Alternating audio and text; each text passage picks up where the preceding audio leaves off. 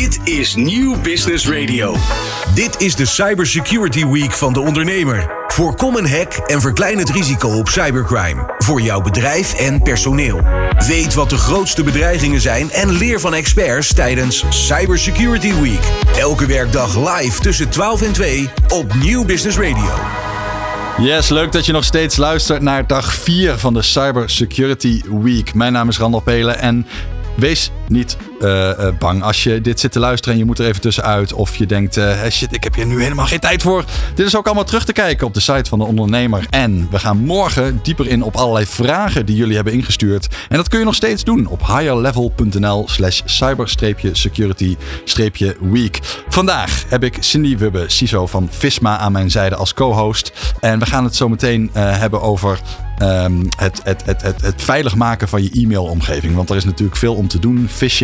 Daar duiken we middenin met Esra Windhorst, oprichter van uh, Sherlock. Maar eerst de dagelijkse hackdemo. Dit is de Cybersecurity Week van de ondernemer. Voorkom een hack en verklein het risico op cybercrime. Voor jouw bedrijf en je personeel. Weet wat de grootste bedreigingen zijn en leer van experts tijdens de Cybersecurity Week. Elke werkdag live tussen 12 en 2 op Nieuw Business Radio. Met Randal Pelen.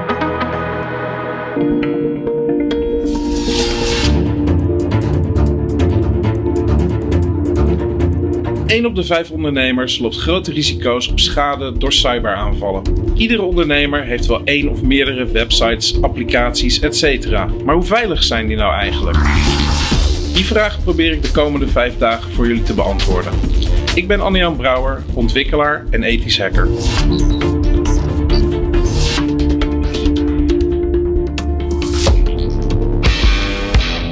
Inloggen. Eigenlijk ben je er de hele dag mee bezig. Wel tientallen keren per dag.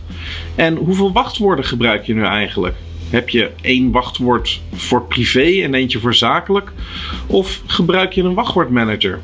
Eigenlijk is het inloggen zelf al een risico. Jaarlijks zijn er echt honderden datalekken. Allerlei bedrijven verliezen hun klantgegevens via backups, via hacks van websites, via ransomware. Op allerlei manieren wordt er data van bedrijven gestolen. En bij die bedrijfsgegevens, daar kunnen ook heel vaak klantgegevens bij zitten. Hackers maken daar dankbaar gebruik van. Die lopen die lijsten af, die houden het nieuws in de gaten en op het moment dat er weer eens wat gelekt is, pakken ze die lijsten en gaan ze daarmee aan het werk. Soms kan een zwak wachtwoord gebroken worden. Soms is dat zelfs niet eens nodig, omdat iemand anders het al voor je heeft gedaan. Dat soort lijsten zien er soms best indrukwekkend uit. Wat hebben we dan? Nou, een e-mailadres, zo'n versleuteld wachtwoord, eventueel een gekraakt wachtwoord. Hackers gebruiken die lijsten om aanvallen te doen op andere websites. Ze kijken dan naar bijvoorbeeld welk domein is dit e-mailadres van? Zou die daar ook dat e-mailadres gebruiken om in te loggen? Daar hebben we Henk weer van de Brakke Webshop. Dit e-mailadres van Brakke Webshop, zou die daar ook op brakkewebshop.nl werken? Dus die hacker die neemt e-mailadres en wachtwoord en gaat dat proberen. Henk en het gekopieerde wachtwoord. En we zijn binnen. Hackers die downloaden al dat soort lijsten. En jij weet niet of je in zo'n lijstje staat. In dit geval, Henk van Brakke Webshop weet niet dat hij in dit lijstje staat.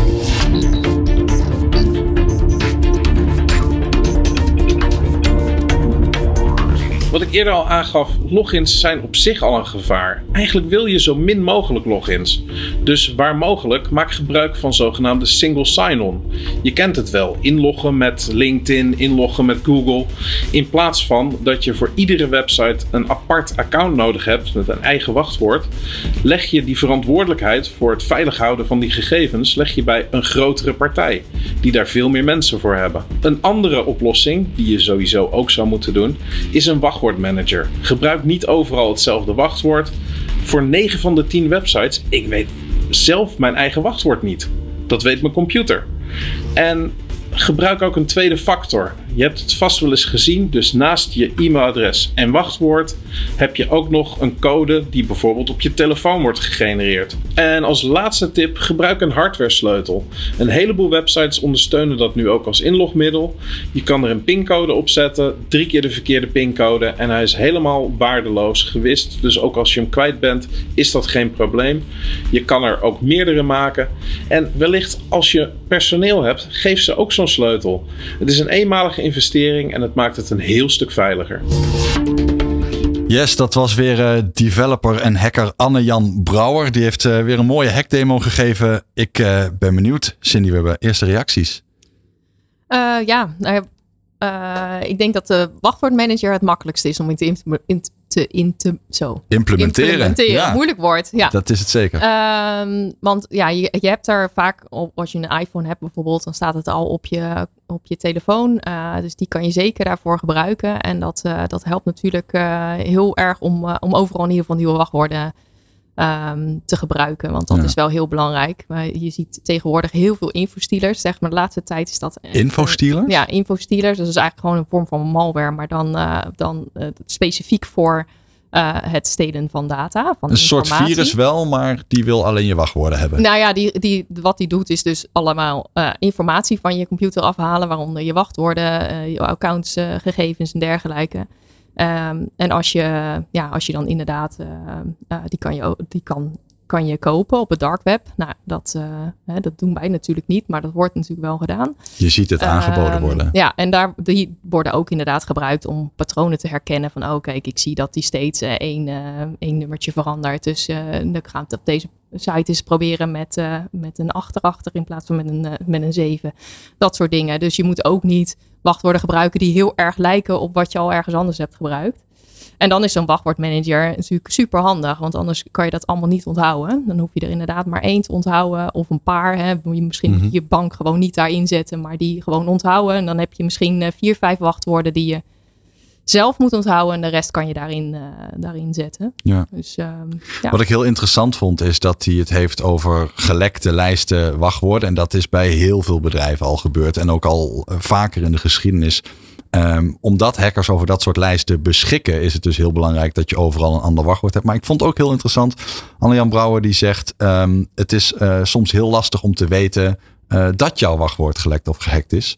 Um, en wat ik weet uh, is dat er ook een aantal sites zijn, zoals bijvoorbeeld Have I Been Pwned. En sommige uh, password managers helpen daar ook bij. Die waarschuwen van hey, dit wachtwoord komt voor in een lek. Dus ja. wees je ervan bewust dat je daar onveilig bent. En je dan ook een beetje bij de hand nemen. Uh, dus toch weer ja, een klein stukje reclame in die zin voor password managers die dat soort meldingen doen. En anders als je zit te luisteren en je denkt, ja, ik heb eigenlijk wel eens, ik ben wel eens nieuwsgierig. Is mijn wachtwoord wel eens buitgemaakt? Have I been pwned? kun je gewoon googlen of intypen. .com volgens mij, dan, uh, dan kun je daar ook je e-mailadres invoeren en uh, kom je dat te weten. Um, laatste vraag aan jou, Cindy. Wat vind jij van die uh, hardware sleutels? Um, ja. Ziet er een beetje uit als een USB-disk, ja, maar dan... Ja, precies. Ja, ik denk, um, ik zie het als bij ons in het bedrijf, wij gebruiken ze niet specifiek, hè, wij geven ze niet uit.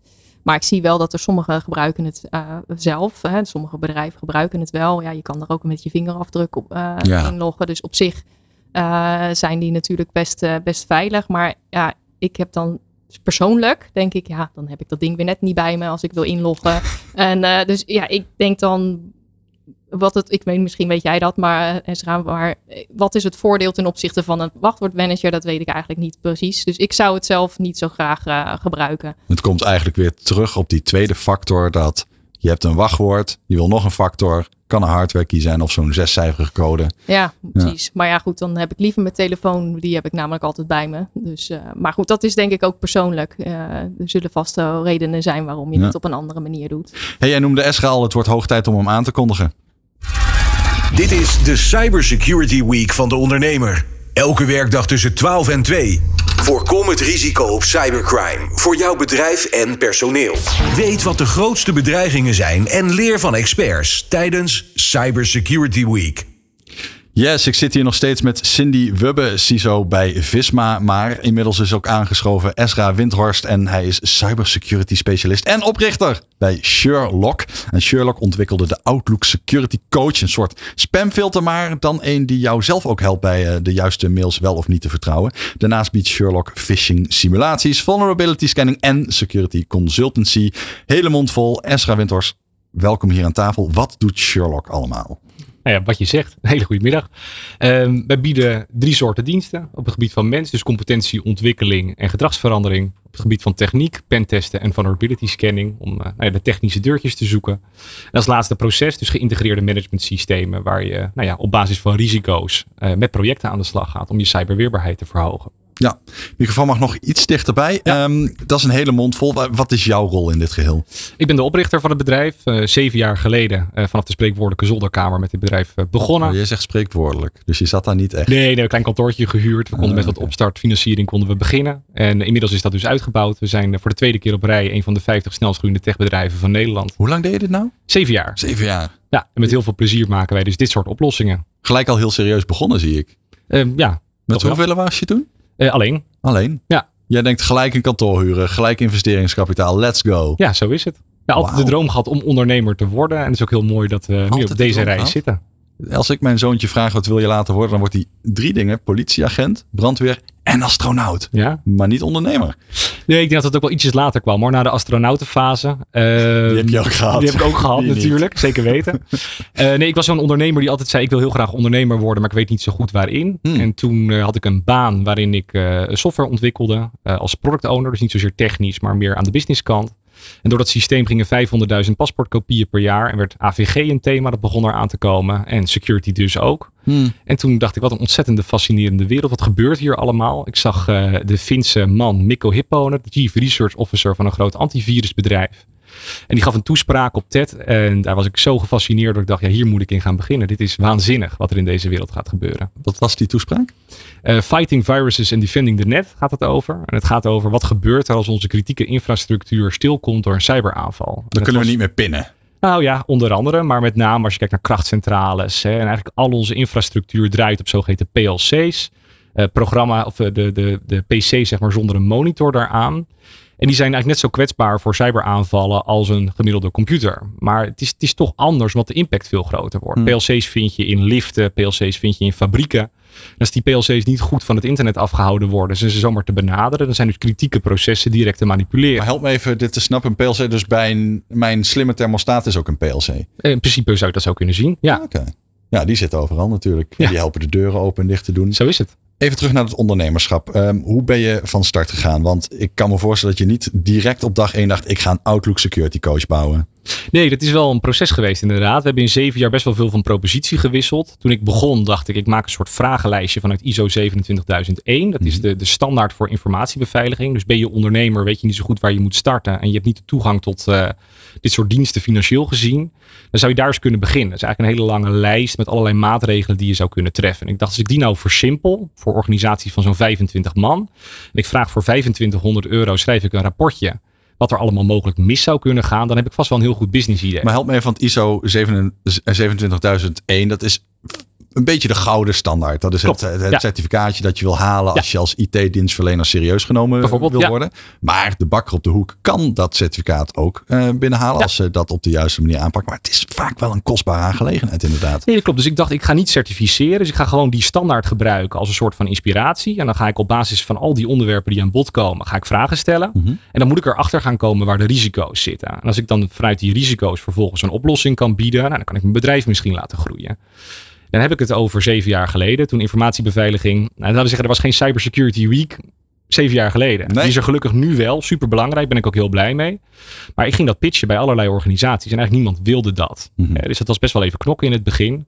Later kwam de AVG. Dat was een uh, goede business enabler voor ons, omdat dat uiteindelijk vanuit de wet en regelgeving druk gaf aan organisaties om met dit onderwerp aan de slag te gaan. En daar konden we voor het eerst wat op groeien. Vervolgens zijn we in 2018 met security awareness begonnen. Dat was toen nog een veel minder bekend thema dan nu. Maar die phishing simulaties, dat kwam uit Amerika. No4 was daar de grote speler toen. En ik dacht, ja, dat kunnen wij ook wel. Dus we hebben in een samenwerking hebben we wat software ontwikkeld. Er zijn van die phishing simulaties gaan uitvoeren op bedrijven. Ik weet dat een van de eerste was een groot advocatenkantoor. 500 man personeel, best prestigieus. En 35% liet zijn wachtwoord achter in de eerste paar uur. En dacht ik, wauw, dit heeft dus veel meer impact dan ik verwacht had. Dat was een beetje oogsten gewoon. Je, je zag die wachtwoorden binnenstromen. Ongelooflijk hoe snel dat ging. En vanuit daar zijn we die dienstverlening verder gaan ontwikkelen. Van alleen maar een softwareplatform naar een stukje consultancy. Daar hebben we dus techniek uiteindelijk bij gepakt. Want ja, als we op het menselijke aspect konden helpen en we konden iets met dat proces, ja, dan moeten we ook die infrastructuur door gaan lichten. Maar help me nog heel even, want je zegt 35% had dat wachtwoord al heel snel ingevuld. Uh, ik schrik daarvan. Ik zie Cindy niet schrikken. Nee. Jij, vindt het, jij denkt dat klopt al ongeveer. Nou ja, ik, weet niet precies de cijfers, maar uh, ja, het, dat ligt ook aan de, de hoe heet dat, hoe die, uh, hoe die is opgezet. Hè? Dus uh, hoe beter opgezet, hoe meer kans je hebt dat daar natuurlijk op, op geklikt wordt of ingevuld wordt. En ja, daar ligt, er zit heel veel kennis achter, waar we het net eigenlijk ook al over hadden. Van ja, je moet in ieder geval eerst even weten waar je überhaupt op moet letten. En dan zit er eigenlijk ook nog een heel stuk gedrag in. Uh, zeg maar, wat, uh, wat het onderzoek is, is dat 80% van wat je doet, is eigenlijk geautomatiseerd. Dus als jij naar zo'n scherm kijkt, je bent druk bezig en je moet ergens heen, dan klik je gewoon op dat linkje. Mm-hmm. En daar moet je eigenlijk, uh, dus je gedrag moet eigenlijk aangepast worden. Dus wat dus heel goed is, is dat je inderdaad die phishing mails uitstuurt. En, maar je moet er eigenlijk ook direct op geattendeerd worden van, hé, hey, maar dit was dus niet goed. Want je moet direct terugkoppeling krijgen over uh, dat, het, uh, dat het een foute mail was eigenlijk. Waardoor je je gedrag kan aanpassen. En dat gaat natuurlijk niet na één keer. Dan moet je dus een heleboel keer herhalen. Zodat eigenlijk je geautomatiseerde systeem aangepast wordt. En je dus ja, automatisch zeg maar uh, veilig gedrag vertoont. Ik vind het wel een mooi verhaal, want je zei, als ik me niet vergis, een advocatenkantoor, 500 man personeel, 35% Ik reken even snel voor de vuist weg dat dan 150 tot 200 man uh, ja. dat, dat wachtwoord inderdaad had ingevuld.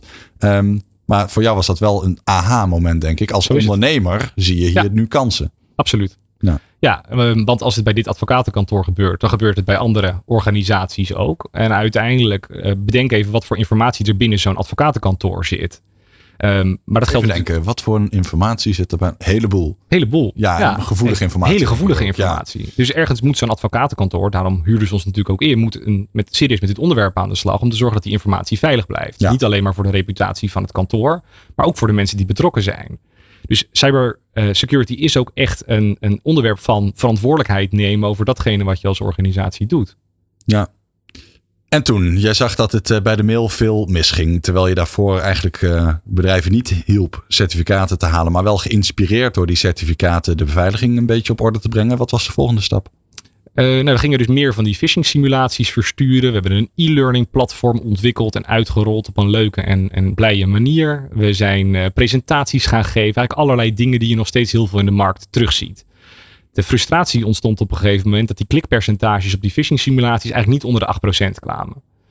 Ja, is dat een soort magische grens? Ja, ik, wellicht heb ik het mezelf ook wijs gemaakt. Hè, maar mijn gevoel zegt dat het onder die 8, daar kwam je eigenlijk niet hmm. gemiddeld over meerdere metingen. En als je nog steeds een organisatie van bijvoorbeeld duizend man, dan heb je nog steeds over serieuze aantallen. En het risico is nog steeds heel erg groot. Dus we zijn heel hard gaan nadenken van nou, hoe kunnen we nou die puzzel kraken. Daar hebben we veel onderzoek naar gedaan. En we hebben eigenlijk gevonden dat als je de kennis, vaardigheden en houding van mensen probeert aan te scherpen, dan gaan ze ander gedrag vertonen. Mm. Waar het nu ook veel in deze uitzending natuurlijk over gaat. Um, maar je hebt ook drie uitdagingen aan de andere kant. Dat is namelijk de leercurve. Het is echt een alfa-studie waarbij je met allerlei verschillende mensen te maken hebt. Je hebt een stukje geheugen. Je vertelt iemand iets, maar hoe lang kan die dan die boodschap effectief reproduceren? En de laatste is top of mind awareness. Hoe bewust ben je met je werk bezig? Wat net ook genoemd werd. Dat je denkt, oh wacht, ik moet eventjes die checkjes afgaan voordat ik daadwerkelijk op dat linkje ga klikken. Dus waar we naar gaan, gaan kijken is, van, nou kunnen wij het gat tussen het, mens, het spamfilter en de mens gaan dichten? Dus als je naar de werking van een spamfilter kijkt, heel plat geslagen, dan geeft hij een rapportcijfer. Laten we zeggen 1 tot 10. Verschilt een beetje per spamfilter. En alles gevaarlijker dan 8, het gaat de spambox in. En alles minder gevaarlijk dan 8, het gaat de inbox in. Maar stel er komt een 7 binnen, dan heeft het spamfilter dus eigenlijk een aantal momenten van twijfel gehad. Maar toch besloten om hem door te laten. Maar het gekke is, is dat vertellen we de gebruiker niet. Dus die gebruiker zit in een potentieel riskante situatie, maar die wordt het niet verteld. En ik weet zeker dat mensen anders gaan reageren en zich anders gaan gedragen op het moment dat je die waarschuwing wel meegeeft. Ik weet het niet zeker. Denk zelf twee keer na voordat je verder gaat. En dat Mhm. is wat we dus vervolgens gebouwd hebben. Onze security coach. En die zorgt ervoor dat als een mailtje binnenkomt die dat stempeltje 7 heeft gekregen. En dat wij gaan kijken waarom is het een 7. Dat in begrijpbare mensentaal terugleggen bij die gebruiker. En dan op die manier proberen hem twee keer na te laten denken. Ja. Die heeft twee knoppen. Verdacht of vertrouw. Verdacht betekent meteen door naar IT. En die Mhm. gaat het technische onderzoek aan de achterkant doen. En vertrouwen is ik weet de risico's. Maar ik weet zeker dat dit Ja. goed zit. Kun je iets vertellen over, ik heb namelijk in mijn mailprogramma's een box die heet ongewenste reclame. Mhm. En als ik denk aan spamfilters, dan denk ik aan het filteren van ongewenste reclame. Maar jij hebt het over phishing mails. Ja, En komen die dan allebei in die ongewenste reclamebox terecht? Nee, we komen gewoon in de inbox, in de inboxlijst ook te staan. En die worden dus anders verpakt. En we doen het met een. Nee, ik een- bedoel in normale mail, de, de standaard situatie. We hebben nog geen eh, eh, security coach. Eh, ja, eh, helaas is de realiteit dat. ehm, er zijn natuurlijk een aantal variabelen waar zo'n mailprogramma naar kijkt. om te besluiten of dat in jouw postvak in terecht moet komen. of in je ongewenste reclame. Ja, ja, ja. En als alle phishing altijd een ongewenste reclame zou zijn. ja, dan hebben we natuurlijk een heel ander stukje lesgeven. wat we zouden kunnen inzetten. maar dat namelijk, is niet zo. Het komt niet in zo. Het komt ook gewoon in die inbox terecht. Ja. af en toe. Mhm. Ja, maar ik probeer een contrast te, eh, te zien tussen reclame en phishing. En dat dat allemaal op de grote hoop spamfiltering terechtkomt. Ik vind dat gek. ieder mailtje wat eh, binnenkomt, wordt door de spamfilter heen gehaald. En als het dan door het spamfilter heen is, dan heb je nog eh, Gmail heb je er denk ik over in dit geval. Gmail Bijvoorbeeld, ja. ja, die heeft daar wat mooiere technologie voor om dat eh, te sorteren en te filteren. In Outlook heb je tegenwoordig postvak in en overige. Mhm. En in overige komen in de regel de wat minder belangrijke mails. Maar kijk, goede phishing is niet per definitie heel massaal. En dat is wel iets waar het natuurlijk ook al naar kijkt. En dat is dus heel erg persoonsgericht. Waarbij eh, CEO-fraude, een open source intelligence, sorry voor alle termen. Waarbij eigenlijk een aanvaller gaat kijken welke relaties liggen er binnen het bedrijf. En hoe kan ik die misbruiken om de legitimiteit van het bericht zo hoog mogelijk te Ja. krijgen. Ten einde iemand te laten klikken. Ja. Hè, dus hoe meer van dat soort echtheidskenmerken er ook inkomen, hoe groter de kans is dat hij dus ook in dat postvak in terecht komt. Ja. Ehm, je hebt de Outlook Security Coach ontwikkeld. En ik zie nu voor me dat dat een soort plugin is, dus van Outlook. Eh, ja, het is echt gebouwd voor eh, Microsoft technologie. Ja. En wat we eigenlijk doen is we sturen een hele set met regels naar de mailserver toe. En we zeggen op het moment dat hij hier aan voldoet, dan sturen we hem naar onze cloudless omgeving toe. En daar wordt hij verpakt op een andere manier. Wordt die informatie op de juiste plekken toegevoegd. Worden alle links onklikbaar gemaakt. En wordt hij dan in de verpakte versie in jouw inbox terecht. Oh, je krijgt een soort terecht. voorvertoning eigenlijk. Zo is het. Zo zou je het kunnen zien. Met daarbij dus pointers die mensen moeten helpen om op de juiste dingen te letten. Maar alleen als hij verdacht is. Alleen als hij verdacht is. Ja. Dus er zijn ook mails die gewoon in volle glorie op mijn scherm gaan pronken. Zeker. Kijk, je hebt natuurlijk ook de business e-mail compromise aanvallen. Weer zo'n term die natuurlijk vreselijk complex is. Maar dat zegt eigenlijk de eh, versturende partij is gecompromitteerd geraakt. Is gehackt. Ja. Hè, dus iemand stuurt letterlijk uit de, in, of de, de, de eh, mailserver van het slachtoffer een mail naar jou toe. Ja, dat, Die mail is in feite legitiem. helemaal Alleen er legitiem. zit een inhoud in die Ja. kwaad zou kunnen. heeft. Ja, theoretisch ja, gezien. Ja, klopt. En daar kunnen we natuurlijk niet iets tegen betekenen. Dus ook wij zijn weer gelimiteerd tot de spelregels binnen nou, eigenlijk alle standaarden die er zijn. En daar proberen we op zo'n slim mogelijke manier mee om te gaan om mensen net even die waarschuwing op het juiste moment te geven. Want een gewaarschuwd mens telt voor twee. Mhm. Ja, oké, dus ik heb een mailtje binnengekregen. In plaats van dat die wel of niet in de spambox terechtkomt, heb ik nu een score in beeld. En dan? Eh, verdacht of vertrouw. Dus eh, verdacht is dus melden aan die IT-afdeling. En die kunnen eigenlijk met één druk op de knop de hele mailserver doorzoeken. Of er anderen zijn die van dezelfde afzender ook een potentieel riskant bericht binnen hebben. En vertrouwen betekent dus ik neem het risico. En dat kunnen we dus ook bij personen eh, meten. We sturen daar niet zozeer op. Maar we kunnen dus wel zien er zijn zoveel verdachte mails binnengekomen. Zoveel is gerapporteerd. En als je ziet dat die rapportage cijfers naar beneden gaan, is dat een belangrijke indicator voor je bewustwordingsprogramma. Dat je weer moet zeggen, jongens, blijf melden. Want pas als er gemeld wordt, kun je uiteindelijk ook weer daar beter op reageren als IT-afdeling. Ja.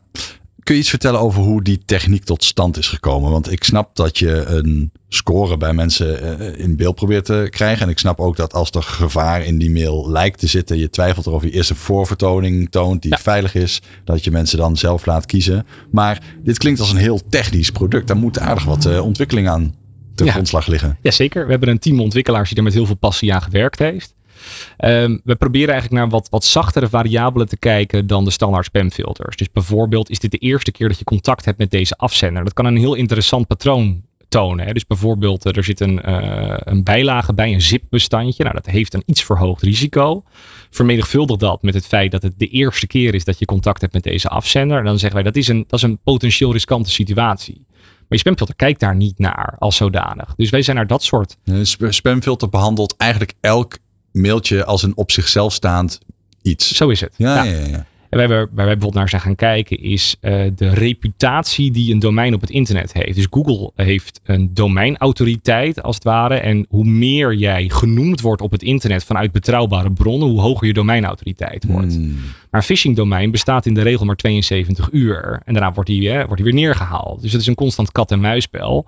Dus wij kijken ook naar dat soort variabelen. Van hé, hey, dit domein bestaat nog niet zo lang of heeft een lage reputatie. En er kunnen allerlei redenen voor zijn waarom dat zo is, die niet per se kwaadaardig zijn. Maar het is wel een signaal waarop je iemand even kunt waarschuwen. Van hey, weet je wel zeker dat je hiermee door wil? Want weet je het niet zeker, doe het dan ook vooral niet. Mm Ja. keer te veel klikken is er echt eentje te veel.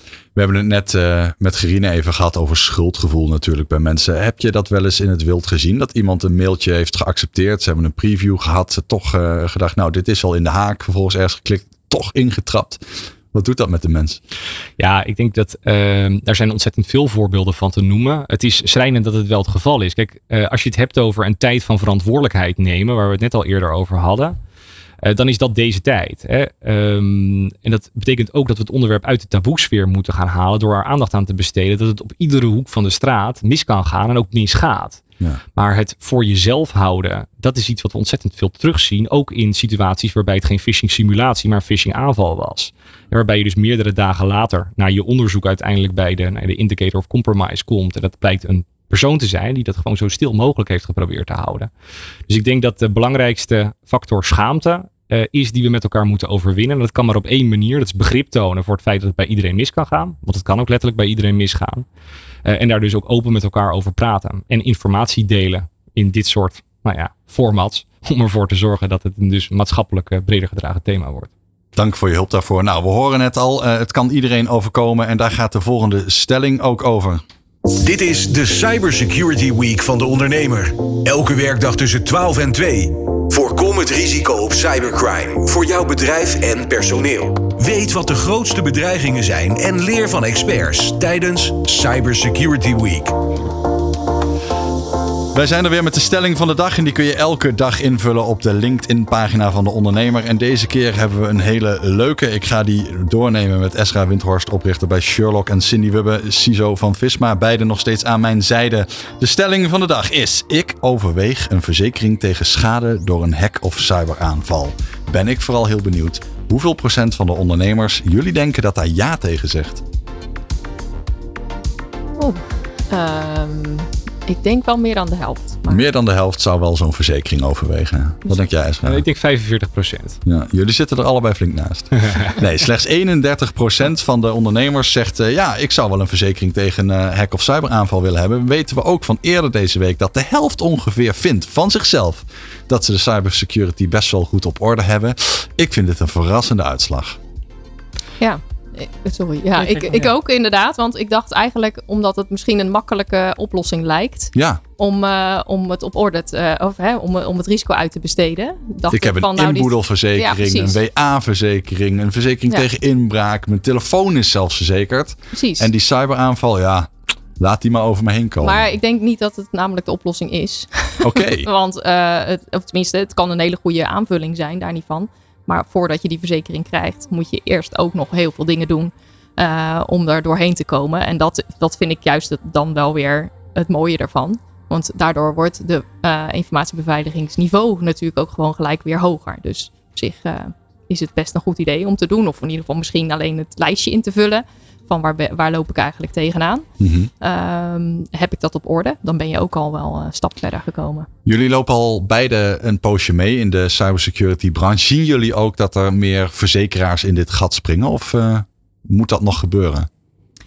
Ik, ik heb geen overzicht over hoeveel verzekeraars er eigenlijk op dit moment zijn. Eh, ik weet niet, weet jij dat? Nee, nee, ik vind vooral er is heel veel onduidelijkheid over. Hè. Dus je hoort uit allerlei bronnen dat eh, de kans dat ze uitkeren wordt steeds lager. De drempel wordt hoger om, om toe te treden. De premies zijn niet te betalen. En ik merk dat eh, eh, ik zelf daar ook inmiddels wel in de war ben hoe het nou precies werkt in de verzekeringswereld. Ja. Ja. Misschien heeft dat ook wel een beetje weerslag op het feit dat uh, ja, 31% van de ondernemers zegt ik overweeg die verzekering niet. Uh, of sorry, uh, wel te nemen en, en 69% zegt van niet. Ik vind dat een opvallende uitslag. Maar wij gaan lekker verder over het voorkomen van hacks. En dat doen we in het tweede gedeelte waarin ik verder praat met Esra Windhorst, oprichter bij Sherlock. De ondernemer presenteert de Cyber Security Week. Deze hele week elke werkdag tussen 12 en 2. Live met Randal Pelen op Nieuw Business Radio. De Cyber Security Week dendert verder. Wij zitten nog steeds met Esra Windhorst, oprichter van Sherlock. Wij hebben het over het voorkomen van aanvallen door middel van de beveiliging van onder andere e-mail. Ik ben heel erg benieuwd. Hoe belangrijk is die e-mailbeveiliging in het grote plaatje? Want er zijn natuurlijk nog meer manieren waarop je gehackt kunt worden. Ja, zeker. Ik denk dat een uh, veel voorkomende misvatting is dat op het moment dat je één verkeerd linkje aanklikt, dat alles op zwart springt en ook niet meer, uh, niet meer goed gaat komen. Uh, het is wel vaak een entry point voor de aanval. Dus die bestaat uit, in de regel uit meerdere fases. En uh, een, een phishing mailtje kan eigenlijk twee doelen hebben. Dat is het stelen van wachtwoorden, wat vervolgens de sleutel vormt tot de eerstvolgende stap. Of het installeren van een stukje kwaadaardige software, malware, waar uiteindelijk ook weer een stapje gezet moet worden. Doordat je bijvoorbeeld je laptop mee het netwerk inneemt. En vanaf die laptop dan de zoektocht begint eigenlijk naar het volgende plekje in het netwerk waar je verder kunt. Mm um, dus het is een hele belangrijke maatregel. Maar ik denk dat je er als ondernemer tegenwoordig gewoon vanuit moet gaan dat het fout gaat. En ja. je dus ook alle stappen die daarna komen zo goed mogelijk op orde moet gaan proberen te brengen. Dat is nou ja, 35 procent eh, zien we nog steeds eigenlijk overal. Helaas, ondanks alle inspanningen en bewustwording rondom dit thema. Dus nou ja, die verdedigingslinie gaat een keer falen, hoe dicht je hem ook probeert te zetten. Ja, ik zou nog graag een keer met je stilstaan over uh, bij een soort van paradox die ik denk te zien. En ik ben heel benieuwd wat jij ervan vindt. Ik hoor eigenlijk deze hele week al dat je niet op uh, verkeerde linkjes moet klikken. En we gaan heel ver in het voorkomen daarvan. En tegelijkertijd bekruipt mij ook het gevoel van ja, goed, we zeggen ook dat het een keer gaat gebeuren. We gaan ook niet uh, al te boos worden op degene die het overkomt. En die vooral stimuleren dat uh, zo snel mogelijk te melden. En toch voelt het voor mij een beetje alsof we hiermee heel erg de verantwoordelijkheid neerleggen. Bij misschien wel een paar honderd medewerkers die het allemaal precies goed moeten doen. Zonder dat we echt de nadruk proberen leggen op het veranderen en verbeteren van het systeem. Uh, Cindy Wubbe zit hier aan tafel, die is CISO bij Visma. Dus die uh, is een van de personen die zich bezig mag houden met dat systeem. Wat vind jij daarvan? Kijken we te veel naar de verantwoordelijkheid van het individu en te weinig naar die van het systeem? Nou, ik denk dat het een combinatie is. Ik, denk, neem aan dat je met het systeem bedoelt het hele netwerk en dergelijke. Bedoel je dat met het systeem of bedoel je het internet? Ik uh, bedoel het als uh, mensen die in discussie gaan met mij op een gezellig verjaardagsfeestje. Die zeggen: Ja, ik heb helemaal geen zin om thuis het afval te scheiden. Dat kunnen ze toch veel beter centraal ergens doen. Terwijl bij mij toch drie verschillende containers voor de deur staan. Ja, oké. Okay. Moet ik dan uh, degene zijn die dat doen? Of kunnen we dat beter centraal lekker regelen? Ja, ik denk dat nou ja, als je het daarmee vergelijkt, dat het dat op zich een goede vergelijking. ik denk dat het aan twee kanten zit. Dus je kan inderdaad zorgen dat het geautomatiseerd wordt. Dus dat je het allemaal in één, op één plek kan doen. En uh, dus als je dan parallel trekt naar de cybersecurity, en probeer zoveel mogelijk te, te, te, automatiseren.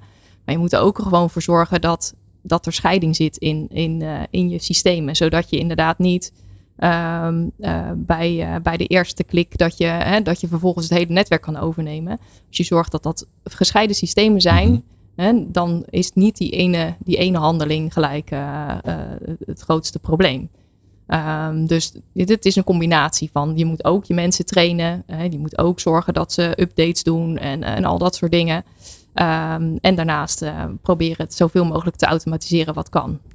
Esra, hoe reageren mensen daarop? Ze krijgen zo'n uh, Outlook Security coach voor hun neus. Die helpt hen een beetje om een verdachte mail op waarde te schatten. Gaan ze dan zuchten en steunen van, goh, waarom word ik hiermee opgezadeld? Of zijn ze dan juist wel heel blij? Ja, laten we de, de, de, die reacties zijn natuurlijk wisselend. Ik denk dat mensen ook wel moe worden van dit thema. Als je iedere willekeurige voorbijganger op straat nu zou vragen: wat moet je niet doen rondom cybersecurity? Zeggen ze allemaal niet klikken op het verkeerde linkje. Ja. Dus het heeft niet zozeer met intentie te maken, maar met competentie te maken. En dat is een uh, interessante, waar ga je dan de verantwoordelijkheid neerleggen? We hebben allemaal uh, tegenwoordig een smartphone. We zitten praktisch allemaal op uh, sociale media kanalen. We googelen ons helemaal suf. We werken achter de computer. Dus we zijn constant met dat internet bezig. Dat wordt zo makkelijk mogelijk gemaakt. Maar tegelijkertijd ontslaat je dat niet van de verantwoordelijkheid. Dat als jij alles toevertrouwt aan het internet en je computer, je ergens ook zelf de verantwoordelijkheid moet nemen voor de veiligheid daarvan. En dat betekent helaas dat je je competentie op dat gebied zult moeten ontwikkelen, hoe vervelend je dat ook vindt. Ja. Nou, jullie helpen daarbij met die eh, Outlook Security Coach onder andere. En kun je een voorbeeld geven van een succesvolle implementatie waarbij je ook echt een uh, ja, aanval hebt weten verijdelen? Ja, wat ik een hele leuke vind is een eh, CEO die een multi van ICS-cards krijgt. International Card Services. Misschien wel een van de meest nou ja, gemanipuleerde bedrijven rondom phishing en je creditcardmaatschappij. En die kwam binnen en het was toch niet helemaal in de haak. En het was bizar dat hij door het spamfilter niet opgepikt werd. Dus wat we zijn gaan doen is technisch onderzoek. En kwamen tot de conclusie dat het SPF-record, ook weer zo'n term, sorry, dat die uh, gefaald was. Dus eigenlijk de validatie aan de kant van de verzendende uh, kant, die, die slaagde niet. En toch kwam die mail binnen in de inbox van die betreffende directrice. En uh, we zijn wat verder gaan kijken. En toen bleek dus in het spamfilter op de whitelist icscard.nl gezet te zijn. Oh, wat echt alle mails mogen daar gewoon sowieso naar binnen. Zo Maakt niet uit. Hè. Als alle technische waarschuwingen falen, gewoon lekker doorlaten. Want dit is zo belangrijk. Dit willen we altijd ontvangen. Zo is het precies. En er waren dus eerder een incidentje geweest. Het was er gewoon opgezet. Niemand heeft er ooit meer naar omgekeken. En daar kwamen we gelukkig achter. Wat heftig. Nou ja, ja, het is een klein voorbeeldje. Maar dit zijn dus wel het soort uh, foutjes die in de praktijk gemaakt worden. En die kleine foutjes, die leiden uiteindelijk tot die grote aanval. Ja, maar heeft die security coach daar dan bij geholpen? Die heeft dit doorgehad. Ja, de SPF-record faalde gewoon. Maar de ja. spamfilter had de instructie gekregen. Ook al faalt het SPF-record, mag je hem toch doorlaten. Normaal wordt het in je spamfilter eigenlijk al geregeld. En onze security coach zag in technische informatie van... hé, hey, dat SPF-record is gewoon gefaald. Dus ja. dat gaan we niet zomaar toestaan. Dit is niet de bedoeling. Mm -hmm. Wat ik een fascinerend fenomeen vind, is ik luister wel meer van dit soort cybercrime podcasts. En uh, soms lees je een boek of uh, verdiep je in een forum waar je je lol op kan. Maar het bekruipt me heel vaak dat het internet eigenlijk als een soort van ja, grote open marktplaats is gebouwd. Iedereen moet met iedereen kunnen communiceren en het verkeer is gratis. Dus ik kan onbeperkt pakketjes heen en weer sturen over heel de wereld. En een heel groot deel van de ellende die je nu ziet, ook onder andere spam bijvoorbeeld, een brief versturen kost geld. Dus ik ga niet een miljoen brieven versturen, dan ben ik een miljoen euro verder. Maar een miljoen e-mailtjes, ja, één druk op de knop valt wel uh, mee. Je noemt nu SPF records. Dat is een van de manieren om uh, ja, soort van te onderschrijven dat de afzender toch echt wel correct is. Hangt het internet niet van labmiddelen aan elkaar? Ja, zeker. Um, maar laten we dat vooral ook zo houden. Dus ik word oh, er altijd wel een beetje ben je blij mee? Um, kijk, het internet is uitgevonden en het is uh, niet uitgevonden op deze schaal waarop het nu toegepast wordt. Maar de grote schoonheid van het internet, wat ik oprecht de mooiste uitvinding van de mensheid vind. Ik bedoel, hoe vet is het dat we dit meemaken? Dat wij in deze generatie leven van de inbelverbinding tot, nou ja, nu de glasvezelverbindingen. Um, en op het moment dat je uh, die vrijheid in gaat perken, ja, wie wordt dan de eigenaar van dat internet? En de schoonheid is, het is van niemand. Daar hebben we een hoop nadelen uit. Maar daar hebben ook ontzettend veel voordelen uit. En die voordelen die zien we in onze vrije, prettige maatschappij op dit moment niet zozeer terug. Maar als je wat meer in doemscenario's zou gaan beredeneren, is er niet zo mooi als een vrije wereld op het internet. Nee, met alle gevolgen van dien. Met alle gevolgen van dien. Maar dan weer verantwoordelijkheid nemen, want dit is de situatie. Ja.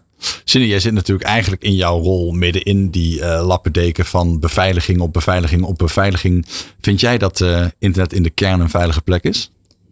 Um ja, op zich ben ik het helemaal met je eens. Weet je, het, is, het is gewoon zo ontwikkeld. We hebben er uh, gebruik gemaakt op deze manier. En ja, je kan je achteraf afvragen: was dit uh, de. Moeten we daar, hadden we daar iets aan moeten aanpassen? Maar ik denk dat het inderdaad heel goed is dat, uh, dat we dat hebben. Zeker in nou ja, crisissituaties met verschillende landen en dergelijke. Um, uh, maar ja, ik heb daar in mijn dagelijkse praktijk niet uh, dat ik me dat de hele tijd realiseer van oh jee, wat, wat, wat is dit een, een, raar systeem op deze manier. Wij, ja, we hebben daar allerlei verschillende methodieken voor ontwikkeld. En ja, er komt elke keer weer wat bij. Ja, dat is nou eenmaal zo. maar dat is ook in andere vakgebieden. Daar moet je je ook mee ontwikkelen. Dus ja.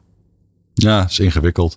Um, kunnen we iets verder achter de schermen van die mails gaan kijken. Ik heb je al een paar keer betrapt op ingewikkelde terminologie. We hebben ons er tot nu toe, denk ik, uh, redelijk goed uit weten leggen. Maar toch, wat ik interessant vind. Als ik een brief stuur, dan zet ik daar een afzender op en een bestemming. Sterk nog, ik zou die afzender wel weg kunnen laten. Die brief komt aan. Briefpapier ziet er goed uit. De handtekening is uh, best wel goed nagedaan. Die herken je misschien niet zo makkelijk. En toch, bij een e-mail kunnen we alle toeters en bellen uit de kast halen. Dus het ton van informatie achter zo'n mailtje. Um, waarom is die dan toch moeilijker te detecteren dan een gewone ouderwetse brief? Ehm, nou, misschien is die eigenlijk wel makkelijker te detecteren. Eh, dus als je naar het herkennen van mogelijk kwaadaardige mailtjes gaat kijken, dan zijn we geneigd om heel erg naar inhoud en vormgeving te kijken. Dus eh, kloppen de zinnen? Is het bericht wel logisch? Maar we moeten ons wel beseffen dat eigenlijk alles wat inhoud is, ook één op één te manipuleren is. Mhm. Dus ik kan informatie gaan verzamelen eh, en dat kan ik in mijn mailtje stoppen. En dan klopt de inhoud 100%. En iemand die dan alleen maar naar de inhoud kijkt, die zal tot de conclusie komen. Ja, de inhoud klopt, dus het bericht zal wel kloppen. Maar we willen mensen eigenlijk vragen en uitdagen om net één stapje verder te gaan. Dus uit te dagen om naar de technische wereld achter die e-mails te gaan kijken. Dat klinkt super complex, maar dat valt ontzettend mee. Iedereen kan dat. En dan op basis van dat soort sporen hè, kun je veel makkelijker het kaf van het koren scheiden. Wat Dat voor sporen zijn natuurlijk nou, laten we beginnen met domeinnamen. Eh, dus je gaat naar www.google.nl. Dus google.nl de domeinnaam. En als ik iets zou willen eh, namaken of zou willen fishen rondom Google, zou ik bijvoorbeeld google-nederland.nl maken. Geen idee of die nog beschikbaar is, maar dat zou een route kunnen zijn. Ja, als ik alleen maar naar de inhoud van die mail kijk, zie ik dat niet. Maar als ik gewoon even netjes, zoals het ook hoort, hè, naar de afzender kijk, google-nederland.nl, ja, dan zou het misschien toch wel een heel stuk makkelijker zijn om daar dus het kaf van het koren te scheiden. En dat gaat in gelaagdheid. Hè? Dus domeinnamen als afzender tot linkjes die in de e-mail zitten. Als je je muis even eroverheen laat hoeveren, niet klikken, maar gewoon even laten rusten bovenop zo'n linkje, dan zie je wat er precies achter zit. Mhm. En dan kun je zo'n domeinnaam dus controleren. Ja, allerlei trucjes voor. Misschien te veel voor nu, maar dat zijn wel die hele simpele basisregels waar je naar kunt kijken. En dat gaat tot het niveau dat we nou ja, bij die term die we steeds net noemden, dat SPF-record, Sender Protection Framework. Ja, dat is een soort hygiënemaatregel die wel meer in maatschappelijke context eh, gecommuniceerd zou moeten worden. Dus wat het eigenlijk doet, is het advies aan eh, het spamfilter van de ontvangende kant over hoe je met die e-mail om zou moeten gaan. Ehm, dat mailtje komt binnen. Vervolgens checkt jouw mailserver aan de verzendende kant van mocht dit mailtje wel namens jou verstuurd worden. En dat Ja. wordt op basis van het SPF-record gedaan. Ja. En op het moment dat je dat niet goed geconfigureerd hebt, dan kan het dus zijn, een softfail, dan zeg je ja, als het niet klopt, dan vind ik het wel best. Hmm. En dat zie je nog steeds ook bij hele grote organisaties die dat terugkomen. Aan het begin van de coronapandemie bleek het World, de World Health Organization die SPF-records niet goed op orde te hebben. En die werden massaal gespoefd. Hè? Dus er werden mails namens WHO gestuurd. Dat was Maar- het verkeerde moment voor de WHO om gesproefd te kunnen worden. Zo is het. Ja. En toen bleek ook allerlei overheidsdiensten in Nederland het ook allemaal niet voor elkaar te hebben. Kijk, als we op dat soort, want dit is echt elementaire veiligheid. Dus op dit soort maatregelen al niet eh, eh, gedisciplineerd met elkaar eh, aan de slag kunnen gaan. Ja, dat, dat is wel echt lastig. Mhm. Dus het is één web waarbinnen alle gebreken en eh, afhankelijkheden zitten die het internet heeft. Maar we moeten daar toch wel weer gedisciplineerd met elkaar mee omgaan. En dan Ja. hoeft er niet zoveel aan de hand te zijn. Dus het is een rudimentaire manier van zeggen: oké, ik ben de eigenaar van dit domein. Die en die servers mogen namens mij mailtjes versturen. En als je dat goed controleert, dan ben je al een heel stap verder. De- Komt het vaak voor dat servers uit andermans naam eh, mails versturen dan? Nou eh, zo makkelijk is het dus feitelijk wel. Hè? Dus op het moment dat je dat niet op een hard minnetje zet, maar op een soort ringeltje, ja, sorry, dat is ook weer de technische kant erachter. Maar als je dat dus niet goed configureert, dan kan feitelijk iedereen namens jouw domein mailtjes sturen die gewoon in de inbox kunnen komen van de ontvanger. Ja. Zijn er nog andere maatregelen die aan de achterdeur eh, bekeken worden door jullie systeem om daaruit die score een beetje ja, eh, gedegen te geven? Eh, ja, er zijn op e-mail eigenlijk allerlei variabelen. Dus je hebt die SPF, hebben we het over gehad. En heb je nog de DKIM. Eh, dat is eigenlijk een, een, een soort eh, het, certificaatcheck. Dat die ook daadwerkelijk van die afzender komt. Wat technisch geavanceerder. En die is ook een aantal jaren later pas gekomen. Maar daar zie je ook dat de, implementatie, de implementatiegraad nog veel lager is. Mm. Dus SPF bestaat eigenlijk al een hele tijd. Nou, daar zou eigenlijk iedereen al eh, goed op ingericht moeten zijn. Is niet zo. Is niet zo. Nou, dan heb je DKIM. Dat is wat recenter. Daar zou ook iedereen eigenlijk al op moeten zitten. Er zitten nog veel minder organisaties op. En daar zit ook de D-mark aan. Dus eenzelfde soort systeem. Eh, en ook daarvoor geldt dat nog lang niet alle organisaties dat goed geconfigureerd hebben. En dat heeft weer met dat stukje verantwoordelijkheid te maken. Ja, mijn IT-manager of IT'er eh, regelt het wel.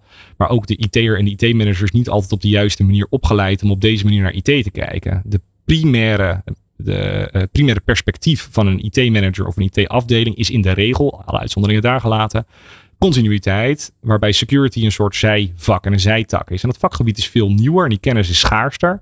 Dus ja, is het wel belangrijk dat als je het hebt over verantwoordelijkheid, dat je af en toe dus ook iemand die dat security perspectief primair heeft, is naar die omgeving laat kijken. En dit soort nou ja, eruit laat halen. Ja.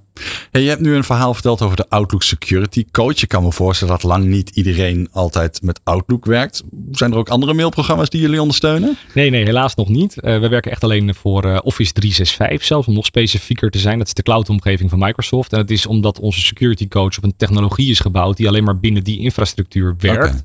Okay. Uh, dan heb je het weer over standaarden en open standaarden. En helaas heeft bijvoorbeeld Gmail wat we overigens in de zakelijke markt ook maar heel beperkt tegenkomen. Maar heeft die mogelijkheden niet. Dus kunnen we die technologie niet op dezelfde manier laten werken. Oké, dus het is ook geen programma dat gewoon op mijn laptop draait, maar vanuit de browser dan? Ja, het is op, op Azure niveau, op cloud niveau draait. Dus je hoeft helemaal niets te installeren. Het uh, grijpt gewoon helemaal in de cloud, zeg maar, in allemaal cloud processen in. Waardoor het heel makkelijk uit te rollen, te schalen is. En je er eigenlijk helemaal geen onderhoud ook aan hebt. Ja. Is dat een wens die je wel van klanten hoort? Om het ook op andere systemen te laten werken? Nee, ik denk dat uh, 99% van ons klantenbestand uh, inmiddels helemaal Microsoft-minded is. En dat zie je sowieso in de, in de markt. Uh, wij richten ons met name op organisaties tussen de 250 en 1500 werknemers. Ja, en dan is Microsoft, zeker met de hele strategie die ze hebben ingezet, waarbij ze steeds meer componenten van de bedrijfskolom overnemen, gewoon een hele logische keuze. Want je hebt ja. voor een relatief betaalbaar bedrag eigenlijk een hele mooie infrastructuur, waarbij een groot deel van het onderhoud ook bij Microsoft ja. komt te liggen. En hoe gaat het dagelijks in, de, in zijn werk? Jullie zitten um, daar bij Sherlock uh, op kantoor. Jullie willen dat uh, boel goed up-to-date blijft. Hoe blijf je de dreigingen voor en hoe leer je op welke manieren je uh, mails ja, moet waarderen? Zeg maar. Hoe hou je dat up-to-date? nee, we ontwikkelen eigenlijk veel meer dan alleen maar die, die security coach. Wat, dat, dat, dat heeft een gelaagd systeem. Dus ik noemde net de knoppen verdacht en vertrouw. Op het moment dat verdacht gekozen wordt, dan wordt die eerst aan de eigen IT-afdeling gemeld. Die heeft daar vervolgens eigenlijk twee knoppen. Dat is, uh, ik vind het ook phishing. Drie knoppen moet ik zeggen. Ik vind het ook phishing. Ik vind het geen phishing. Of ik weet het niet. Nou, op het geval dat het wel phishing is of ik weet het niet, dan komt hij in workflows terecht in onze organisatie. En dan gaan wij kijken naar alle technische aspecten van die e-mail. En dan gaan we ook een oordeel vellen. En als het oordeel bij ons ook is, het is inderdaad phishing, dan kunnen we die informatie weer delen via de coach naar de community. Namelijk, dit is een potentieel riskante afzender. Wat dan weer een variabele vorm voor die security coach om op mm -hmm. uh, uh, af te gaan. Een community-based spamfilter noemen we dat. Uh, en tegelijkertijd kunnen we dus ook weer de laatste pogingen die we zien, nou, die kunnen we weer verwerken in onze bewustwordingsprogramma's. Dus dat we bijvoorbeeld phishing simulaties gaan maken van echte phishing aanvallen. Of we hebben een knopje dat je met één druk op de knop eigenlijk iedere persoon in de organisatie een mailtje kunt sturen en zeggen, kijk, dit is een phishing mailtje wat bij ons ontvangen is. Zo had je het kunnen herkennen. Dus dan activeer je eigenlijk uh, de gebruikers om extra uit te kijken. En ook weer eventjes dat moment van bewustwording van hé, hey, wij worden daadwerkelijk aangevallen. Dus dat zijn allemaal kleine verbeteringetjes eigenlijk in de processen die we doorvoeren. Ja. Cindy, zou je dit zien zitten? Om dat uh, stukje ja, hulp en verantwoordelijkheid toch deels ook uh, bij de eindgebruiker neer te leggen? Nou, ik vind het wel een goed idee. Op zich, uh, zeg maar wat hij zegt, uh, van als, je, als die normaal gesproken door de spamfilter komt, ja, dan heb je eigenlijk als gebruiker al geen, geen indicatie meer dat je er iets mee moet doen. Dus Nee. dit heeft, is nog weer een extra eh, ja, mogelijkheid om, eh, om, om mensen er bewust van te zijn van goh, hier is misschien wat mee aan de hand. Dus, eh, en zeker ook wat je zegt, dat je het in de community deelt. Dat is natuurlijk ook heel krachtig. Want daar- daardoor is het niet alleen maar bij één bedrijf, maar vervolgens gelijk bij allemaal. Ja, leer je van elkaar eigenlijk. Ja, Dus dat ja. is natuurlijk heel mooi. Ja. Hey, ik zie een eh, bericht op de site van Microsoft staan. En de kop die pronkt. eh, basic cyber hygiene prevents eh, 98% eh, of attacks. Dus in het goed Nederlands. Basishygiëne kan al 98% van alle aanvallen voorkomen. Ik ben heel nieuwsgierig naar wat die laatste 2% is. Maar vooral die 98%. Het biedt misschien een beetje hoop aan de luisteraar. Die denkt, ja, ik vind het allemaal maar gedoe. Ehm, wat denken jullie dat de allerbelangrijkste basishygiëne maatregelen zijn? Laten we ze nog eventjes doornemen met de luisteraar. Ja, eh, multifactor authenticatie lijkt me een eh, absolute no-brainer. Eh, zeker als je meer naar de cloud gaat, hè, is dat ontzettend belangrijk. Keurig, dat is inderdaad nummer 1 op de lijst die ze hier stellen. Ja, ken het artikel niet. Fantastisch, Ja. fantastisch. Oh, gelukkig. Niet gezakt voor het examen. Nog. Ehm, eh, ik denk het patchen en updaten van systemen. cruciaal. Zeker. Ja, updates staan op nummer 4, absoluut. ja. Ja, daar ben ik wel benieuwd. Want dan gaan ze iets over wachtwoorden zeggen. Waarschijnlijk op plek 2 of 3. Maar dat zou in relatie tot. Nou, hier, hier in het. Engels staat eh, zeg maar eh, Zero Trust Principles. Ja. En we hebben dat eigenlijk deze week eerder behandeld als geef inderdaad mensen eh, vooral de rechten die ze nodig hebben, maar ook niet heel veel meer. En laat niet allerlei services en diensten op je servers draaien die je eigenlijk helemaal niet nodig hebt. Ja, zeker. Ehm, ook uh, toegang tot het netwerk zeg maar, uh, van, van systemen. Dat je uh, dat op een andere manier valideert voordat er daadwerkelijk toegang gegeven wordt. Ja, dit zijn wel maatregelen. Dus ze noemen het Basic Hygiene Principles. En ik vind dat ook wel kloppen. Maar dit vergt wel iets van een IT-afdeling of een, een, een, managed service provider waar je IT uitbesteedt. En dit volwassenheidsniveau met het Zero Trust Principle, dat zien wij nog lang niet overal nee. terug. Nee. Dat is misschien een zero trust in zijn algemeenheid is misschien ook een beetje overdreven om dat bij een MKB erin te, uit te rollen. Maar het idee erachter van ja, least privilege, dus het minste uh, ja, maakt de niet rechten zo min mogelijk. Beheren. Ja, precies, nee, zo ja. min mogelijk. En, uh, en alleen wat je moet weten, dat is op zich natuurlijk een heel goed, goed uitgangspunt. Um, maar ik denk dat dat voor een gemiddelde MKB'er misschien wat ver gaat om een zero trust in te richten. Als je het hebt, is het wel 98% effectief. Ja, Ja, zeker. ja, precies. Ja, Maar ik eh, geloof niet dat dat echt een basis uh, van onder de basishygiëne maatregelen valt. Maar uh, Wat dacht je van nummer drie? Het hebben van uh, moderne anti-malware en antivirus software? ja, dat is natuurlijk heel belangrijk. Natuurlijk, dit vinden jullie een inkoppertje. Ja, ik vind het wel belangrijk dat uh, je hebt tegenwoordig echt ontzettende interessante technologieën. Uh, het wordt AI genoemd. De vraag is in hoeverre het allemaal AI is. Maar uh, dat werkt wel echt als een trein.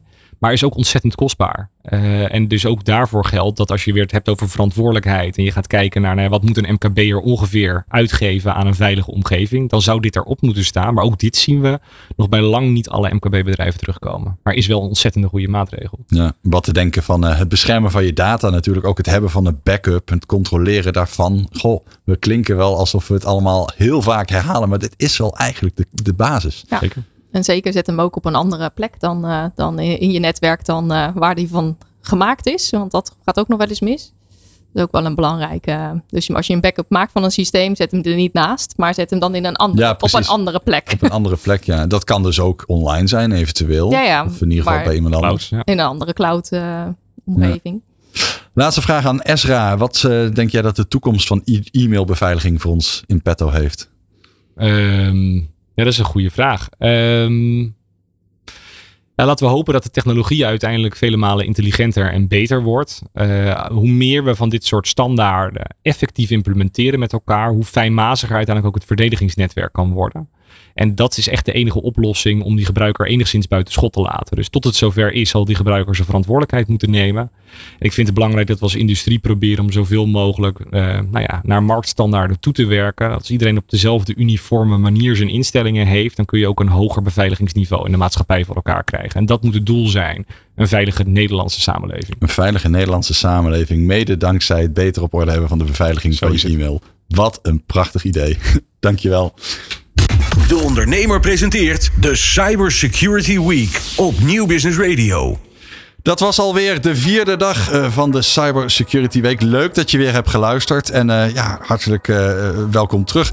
Je kunt al deze uitzendingen ook weer terug gaan kijken op de site van de ondernemer. En als je nou vragen hebt naar aanleiding van deze uitzending, dan kun je die stellen op higherlevel.nl slash cyber-security-week. En het leuke is, morgen is alweer de dag dat we die vragen gaan behandelen. Dat doen we onder andere met Norbert Bakker. Hij is specialist aansprakelijkheid bij Higher Level. Je hoort het al. De plek waar je ook al deze vragen te, kon stellen. Dat gaan we ook doen met Chantal Stekelenburg van DIVD en Zerocopter.